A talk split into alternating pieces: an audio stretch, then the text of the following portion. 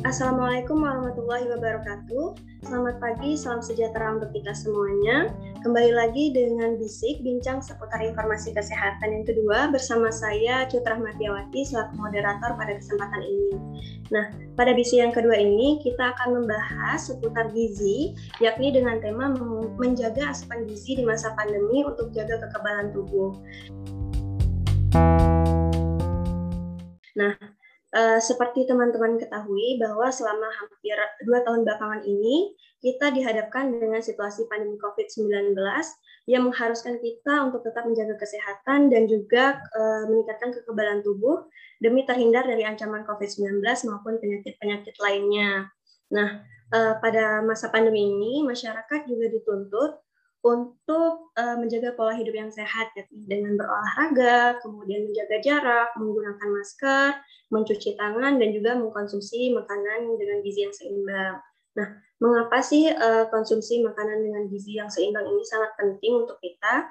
Karena gizi yang ada di dalam uh, bahan makanan kita sehari-hari ini dapat menunjang proses tumbuh kembang dan juga uh, menunjang kesehatan seseorang.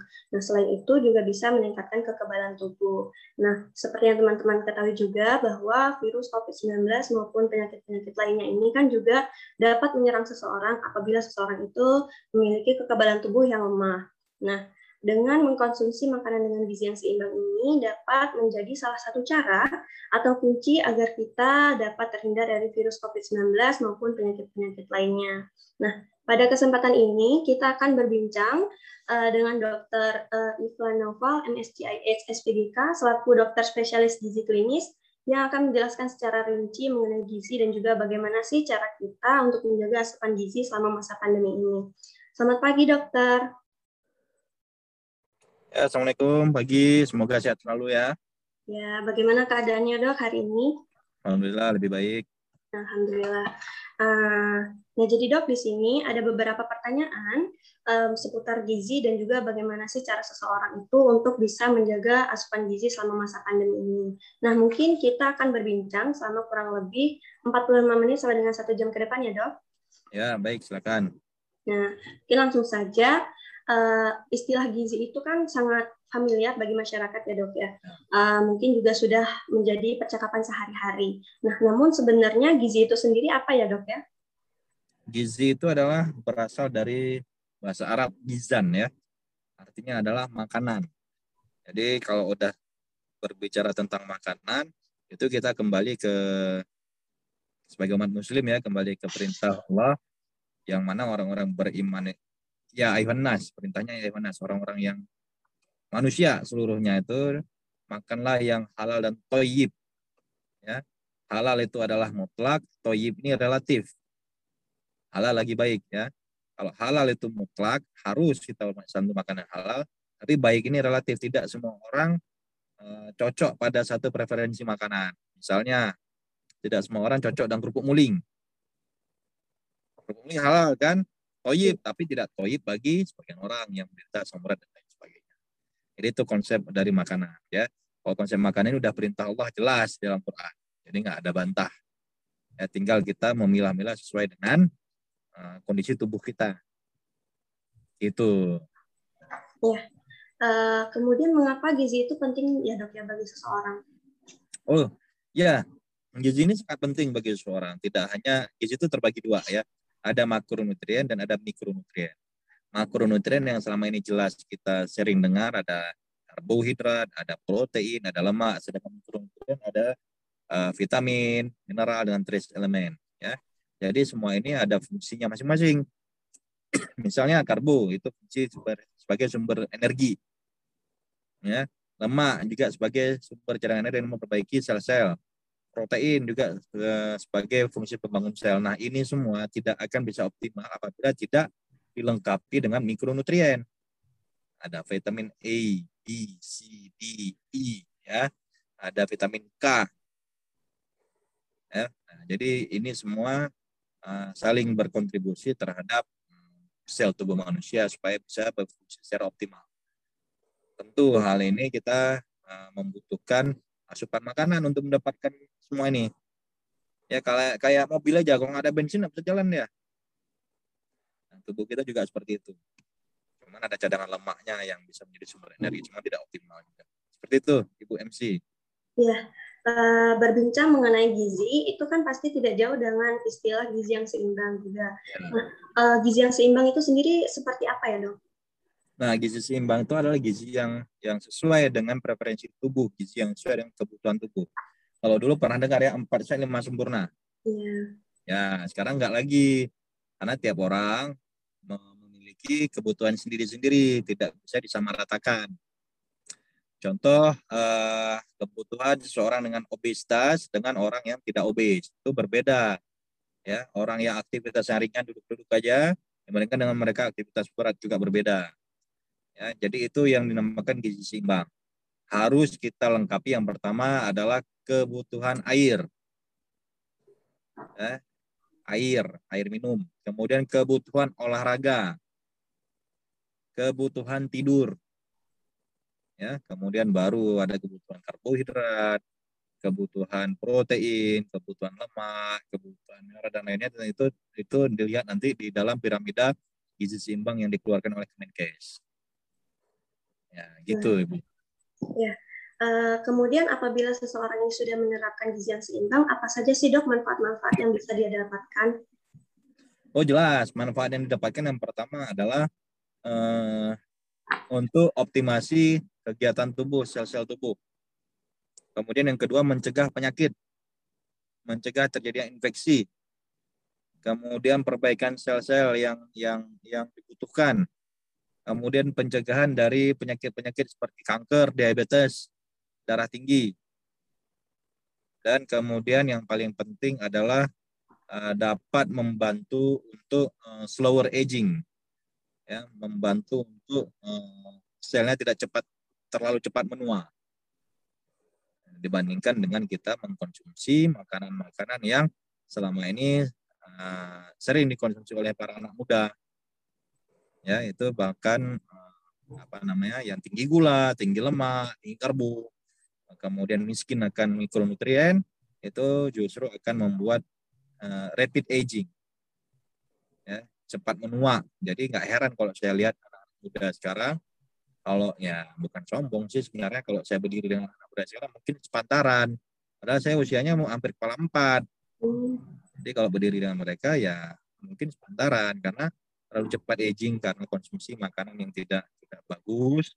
Kamu walaupun dia halal ya tapi dia toyib. Tidak baik. Kemudian tidak menjaga tidur, tidak berolahraga, kurang air minum, dia cepat agingnya lebih cepat. Gitu, deh. Eh, kemudian selain itu, apabila seseorang tidak bisa menjaga gizi yang seimbang, apa-apa saja yang terjadi ya dok? Ya, ini tadi saya sebutkan tadi, ya rentan. Misal dia ada keturunan dari diabetes. Padahal, maaf, eh, diabetes itu keturunan itu hanya bermain sekitar angka 5 sampai 10 persen akan terjadi penyakit. Sisanya itu kabar, eh, adalah akibat lifestyle atau gaya hidup seseorang. Dialah yang menyebabkan gen itu Eh, terpicu menjadi diabetes. Dialah yang menyebabkan gen itu terpicu menjadi hipertensi. Dialah yang menyebabkan gen itu terpicu untuk menjadi kanker karena gaya hidup. Walaupun ada keturunan tapi dia menjaga pola hidupnya seperti saya sebutkan tadi, insya Allah dia akan terhindar. Jadi jangan disalahkan, saya keturunan nih diabetes. Ah, kita lihat lagi gaya hidupnya seperti apa. Walaupun dia diabetes, gaya hidupnya sehat, insya Allah tak akan terjangkit ya. Nah, lagi-lagi jangan disalahkan keturunan ya. Gitu. Uh, berarti uh, lifestyle itu sangat penting ya dok ya? Oh sangat, luar biasa sangat penting. Nah, kemudian uh, ini juga ada pertanyaan yang mungkin beberapa orang uh, masih uh, penasaran ya dok, bagaimana sih sebenarnya cara kita untuk mengetahui bahwa gizi yang telah kita asup itu sudah seimbang atau belum? Cara kita untuk mengetahui gizi yang pertama, lihat dari urin. Kita urinnya kalau seandainya terlalu kuning pekat berarti airnya kurang. Karena jangan lupa air itu adalah bagian yang paling penting dari intik gizi. Ya. Dari air. Yang kedua, lihat frekuensi BAB. Ya, ini kadang-kadang BAB ini mentang-mentang dia dibuang di WC, kadang-kadang kita nggak evaluasi lagi, ya. kita evaluasi apa yang terjadi di dalam tubuh kita melalui keluaran itu ya. kadang-kadang dia ada hitam pekat, ada belender dan lain sebagainya itu menjadi evaluasi kita dan itu harus dicermati. Eh, BAB yang sehat kan stool yang sehat itu pasti dia ada konsistensinya, kemudian dia ada apa namanya, ada eh, bentuknya, ya, kemudian dia kalau cukup serat dia tenggelam, tidak ngapung dan lain sebagainya.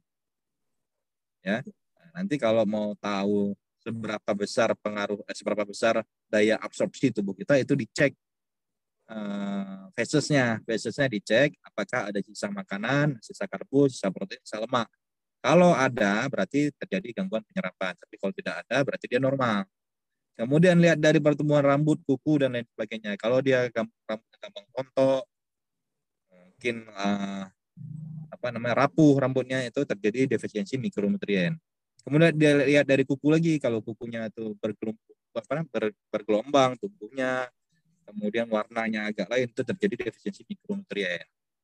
Itu yang menarik. Kemudian lihat lidah. Nah, lidah. Lidah kita ini, dilihat apakah lidahnya itu normal. Kok normal itu warnanya seperti ini, kemudian ada berbintil-bintil. Tapi kalau warnanya dia pink, pink sekali, kemudian dia flat, rata, licin, itu berarti uh, papilnya kurang dan itu mencerminkan daya absorpsi di dalam saluran cerna bawahnya juga uh, menjadi berkurang karena atrofi fili-filinya khusus. Itu deh. Oke, baik. Uh, kemudian uh, apakah uh, dengan menjaga asupan gizi ini kita membutuhkan banyak biaya ya, Dok? Oh enggak, biaya ya? Iya. Oh enggak. Sangat gampang. Justru justru kita yang nggak menjaga butuh banyak biaya pengen makan inilah pengen boba ini taiti lah apalah itu yang biaya tinggi kalau kalau menjaga asupan gizi pertama yang cukup air putih ya kopi boleh lah teh boleh lah ya kemudian telur. Telur juga sangat cukup mumpuni itu sebagai sumber protein. Ya kemudian nasi sayur. Ini makannya minta fried chicken. Makannya minta ini minta itu. Ya biayanya lebih tinggi. Pizza misalkan biayanya lebih tinggi padahal tentu sehat. Ya tapi kalau seandainya kita mampu menjaga sayurnya ada kemudian sumber proteinnya ada ya buah-buahannya juga ada. Buah-buah apakah harus buah apel Washington gitu? Enggak buah timun kemudian bengkoang itu sudah cukup bagus ya nenas yang murah-murah nenas berapa lima ribu paling biji ya nenas lima ribu sepuluh ribu paling mahal kan yeah. itu udah udah mampu mencukupi kebutuhan gizi kita. Jadi uh, hidup itu adalah pilihan. Apa yang harus kita pilih untuk kehidupan uh, keberlanjutan hidup sel kita? Ya, karena istilahnya you are what you eat. Kamu adalah apa yang kamu makan. Jadi kembalilah bahwa negara kita ini negara yang agraris yang kaya akan dari hasil pertanian manfaatkan ya itu pesan saya Uh, ternyata memang sangat murah ya dok ya untuk sangat murah uh, bahan pangan yang bisa memenuhi gizi seimbang kita. Cuman niatnya aja nih ada nggak niatnya? Ya. Kemudian dok, uh, bedakah asupan gizi biasa dengan uh, asupan gizi kita selama masa pandemi ini? Sebenarnya tidak terlalu beda ya.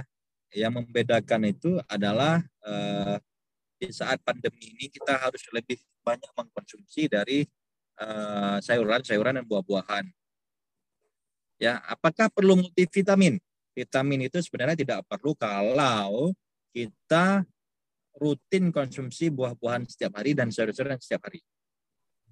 Dan terpapar sinar matahari dari jam segini nih dari jam 9 sampai jam 11 ya. Terpapar kira-kira 20 menit sehari itu udah cukup bagus sebenarnya. Jadi tidak perlu kita membuang-buang eh, dana untuk eh, multivitamin sebenarnya kalau kita mampu mengkonsumsi buah dan sayuran setiap hari. Jadi nggak banyak biaya lagi sebenarnya. Iya. Uh, baik, kemudian untuk asupan gizi yang seimbang ini sendiri, apakah ada perbedaan untuk setiap golongan umur gitu dok? Bagaimana ya dok cara menerapkan? Ada, ada perbedaan namanya uh, ada namanya uh, rule of thumb. Rule of thumb itu adalah rumus rata-rata sih 20 sampai 30 kilokalori per kilogram berat badan per hari. Kemudian untuk protein rata-rata 1 sampai 1,5 gram per kilogram berat badan per hari. Ya, lemak itu sekitar 20 sampai 25 persen dari total energi yang dibutuhkan. Jadi itu bisa dihitung ya menurut usia. Ya, kalau anak bayi, anak anak-anak tentu uh, beratnya lebih rendah, tapi kebutuhan kalorinya lebih tinggi di masa pertumbuhan. Bahkan anak-anak itu bisa sampai 60 uh, kilokalori per kilogram badan per hari. Ya, nanti kita ada lagi switchnya ke aktivitas penyesuaiannya, kerjasnya ke aktivitas. Kalau aktivitasnya tinggi, kemudian dia itu kita tambahkan lagi berapa persen. Kemudian ibu hamil kita tambahkan lagi sekitar 250 kalori.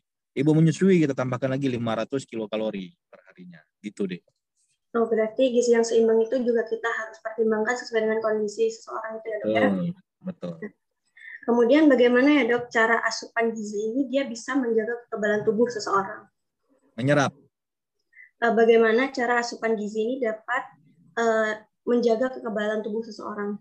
Oh iya, bisa. Gini, sangat-sangat bisa. Jadi uh, imunoglobulin A itu adalah tentara kita yang di yang bertugas di saluran mukosa ya, hidung misalnya, di mulut ya, di telinga dan di dan di lubang-lubang lainnya. Ya. Jadi imunoglobulin A ini dihasilkan dari mana? Imunoglobulin A ini dihasilkan dari aktivitas bakteri baik probiotik di dalam saluran usus besar. 75% imunoglobulin A dihasilkan di situ. Ya. Jadi dengan kita menjaga gizi seimbang, otomatis uh, produksi imunoglobulin A itu sangat terjaga. Dialah yang mengeliminir virus-virus bakteri jahat yang mencoba menginvasi tubuh kita. Ya, datang virus flu ya, bukan sarkov misalnya, virus flu biasa, kawan kita beri acim acim bersin Tapi karena imunoglobulin A kita kuat di sini, langsung dia eliminir, langsung dia makrofakan, dia eliminir. Nah, sempat dia berkembang biak virusnya. Dari mana? Dari imunoglobulin A. Ya. Hmm. Uh, ternyata gizi itu memang sangat penting untuk meningkatkan kekebalan kita oh, ya. Kan? Nah, selain untuk mencegah COVID-19 juga bisa mencegah penyakit-penyakit lainnya. Hmm. Kemudian dokter, jika ditinjau secara statistik, apakah kira-kira mayoritas masyarakat Indonesia ini sudah menerapkan asupan gizi yang seimbang atau belum? Belum, belum. Terfokus pada karbohidrat dan lemak. Ya, jadi man, uh, orang Indonesia ini belum sadar akan gizi ya, karena pendidikan gizi pun kalian pun baru diberikan saat-saat ini ya. Kalau di di sana kesadaran akan gizi itu sudah mulai diberikan sejak anak usia TK. Jadi dia tahu bahwa makan kebab itu tidak baik untuk kesehatannya. Makan burger itu tidak baik untuk kesehatannya. Makan pizza itu tidak baik untuk kesehatannya. Mereka tahu. Walaupun makan juga, ya tapi tidak rutin. Kemudian Thai tea, boba, dan lain sebagainya juga merusak kesehatan karena high sugar. Ya justru orang kita ini lebih banyak konsumsi hal-hal seperti itu. Gorengan, misalnya ya. Jadi kesadarannya belum belum begitu mumpuni. Harusnya kalau itu sudah sadar, sudah bagus, angka stroke kita, angka darah tinggi, angka DM kita juga akan menurun. Eh, berarti lifestyle itu memang juga sangat mempengaruhi ya dok ya bagaimana sangat, sangat mempengaruhi lifestyle itu. Nah, kemudian jika kita membahas mengenai asupan gizi selama masa pandemi ini, eh, kan banyak tuh dok rumor-rumor yang muncul atau mitos-mitos yang muncul. Nah, ada nih kemarin banyak mitos yang mengatakan bahwa katanya susu beruang atau susu murni bear itu katanya dapat diklaim untuk meningkatkan kesehatan dan juga bahkan diklaim dapat menyembuhkan COVID-19 yang karena kemarin itu juga sempat di pasaran itu habis langka banget memang dok uh, susu beruang itu. Nah, uh, bagaimana tanggapan dokter menurut hal tersebut? Apakah benar susu beruang itu dapat menyembuhkan COVID-19? Belum ada penelitian klinis terhadap susu beruang untuk menyembuhkan COVID. Jadi kita tidak bisa jawab sebelum ada randomized clinical trialnya. Ya tapi kalau mitos ya masyarakat ya ya sah-sah aja sebenarnya karena masyarakat kita cenderung menyukai hal-hal yang seperti itu ya. Nah, latah latah. Nah, isunya dapat menyembuhkan ini langsung diborong. Latah. Tapi susu itu juga sebenarnya memberikan manfaat terhadap imun kita seberapa jauh dia memberikan perlindungan terhadap infeksi COVID itu belum pernah dibuktikan secara randomized clinical trial. Jadi kita kalau kita sebagai orang ilmiah tidak boleh percaya terhadap mitos ini, tidak boleh. Kalau udah dibuktikan RCT-nya betul, iya ada jurnalnya, ya itu boleh kita rekomendasikan. Kalau ini saya nggak bisa rekomendasikan. Saya malah merekomendasikan gizi seimbang tadi untuk mencegah COVID. Nah, betul. Nah, kemudian selain katanya ada susu beruang yang diklaim dapat membantu pemulihan COVID, katanya juga uh, air kelapa nih dok, air kelapa muda terutama, itu katanya bisa uh, memulihkan, membantu pemulihan COVID-19. Bagaimana pendapat dokter mengenai hal ini? Air kelapa muda bisa menyembuhkan COVID. Ya, maksudnya tidak bisa menyembuhkan, tapi membantu menjaga ini kalau kita demam itu terjadi loss of elektrolit ya. Elektrolit kita itu uh, hilang. Ya. Jadi ketidakseimbangan elektrolit dan lain sebagainya akibat infeksi. Nah, fungsi air kelapa muda ini uh, akan membantu untuk mengatasi kehilangan elektrolit tadi sehingga sel-selnya bisa berfungsi secara baik dan tidak menyebabkan kerusakan lebih lanjut dari infeksi ini. Itu cara logical thinkingnya seperti itu terhadap kelapa muda. Ya, bukan mitos, tapi kelapa muda berfungsi untuk salah satunya adalah menggantikan cairan dan juga elektrolit yang hilang selama masa infeksi. Itu ya, baik. Kemudian ada juga beberapa isu yang mengatakan bahwa mengkonsumsi banyak vitamin itu kan dapat meningkatkan daya tahan tubuh. Sehingga kemarin itu banyak orang yang kini mengkonsumsi itu banyak vitamin dalam satu waktu. Nah, bagaimana menurut dokter? Ya, eh, tadi kita udah bahas bahwa selama kita bisa menjamin kehidupan kita ini setiap hari konsumsi buah dan sayur serta terpapar sinar matahari beserta gizi seimbang, tidak ada perlukan lagi multivitamin. Jadi jangan lagi-lagi pesan saya jangan latah terhadap iklan-iklan yang belum tentu teruji kebenarannya. Kita ini hidup di negara yang uh, alhamdulillah uh, vitamin D-nya ada terus melalui sinar matahari. Tinggal kita mengaktifasinya melalui berjemur. Ya udah ada di dalam ini kita di dalam tubuh kita cuma kita belum mengaktifasi mengaktifasinya aja karena kita takut berjemur takut nanti skincare-nya nanti udah mahal-mahal dibeli kena jemuran nanti ya udah rugi jadi jadi nggak bagus. Padahal nggak sehingga pakai SPF aja sunblock ya berjemur aja sih 20 menit. Ya, jadi itu lebih sangat membantu dibandingkan dan sangat menghemat dibandingkan kita konsumsi vitamin yang yang notabene sebenarnya bisa dicukupi dengan konsumsi buah kenyang lagi ya buah dan sayur kan bikin kenyang lagi ya dan bikin tubuh kita juga jadi lebih optimal. Uh, berarti memang gizi yang seimbang ini sangat diperlukan oleh seseorang untuk bisa menjaga kesehatan dan juga meningkatkan kekebalan tubuh. Nah, uh, seperti yang sudah dokter jelaskan tadi juga bahwa untuk mendapatkan gizi yang seimbang itu tidak memerlukan tidak perlu Eh, mengeluarkan banyak biaya ya dok, karena bisa didapatkan dari kehidupan sehari-hari juga. Nah kemudian uh, lifestyle atau gaya hidup juga bisa sangat mempengaruhi seseorang itu dalam uh, asumsi atau konsumsi gizi dia, uh, dia sehari-hari.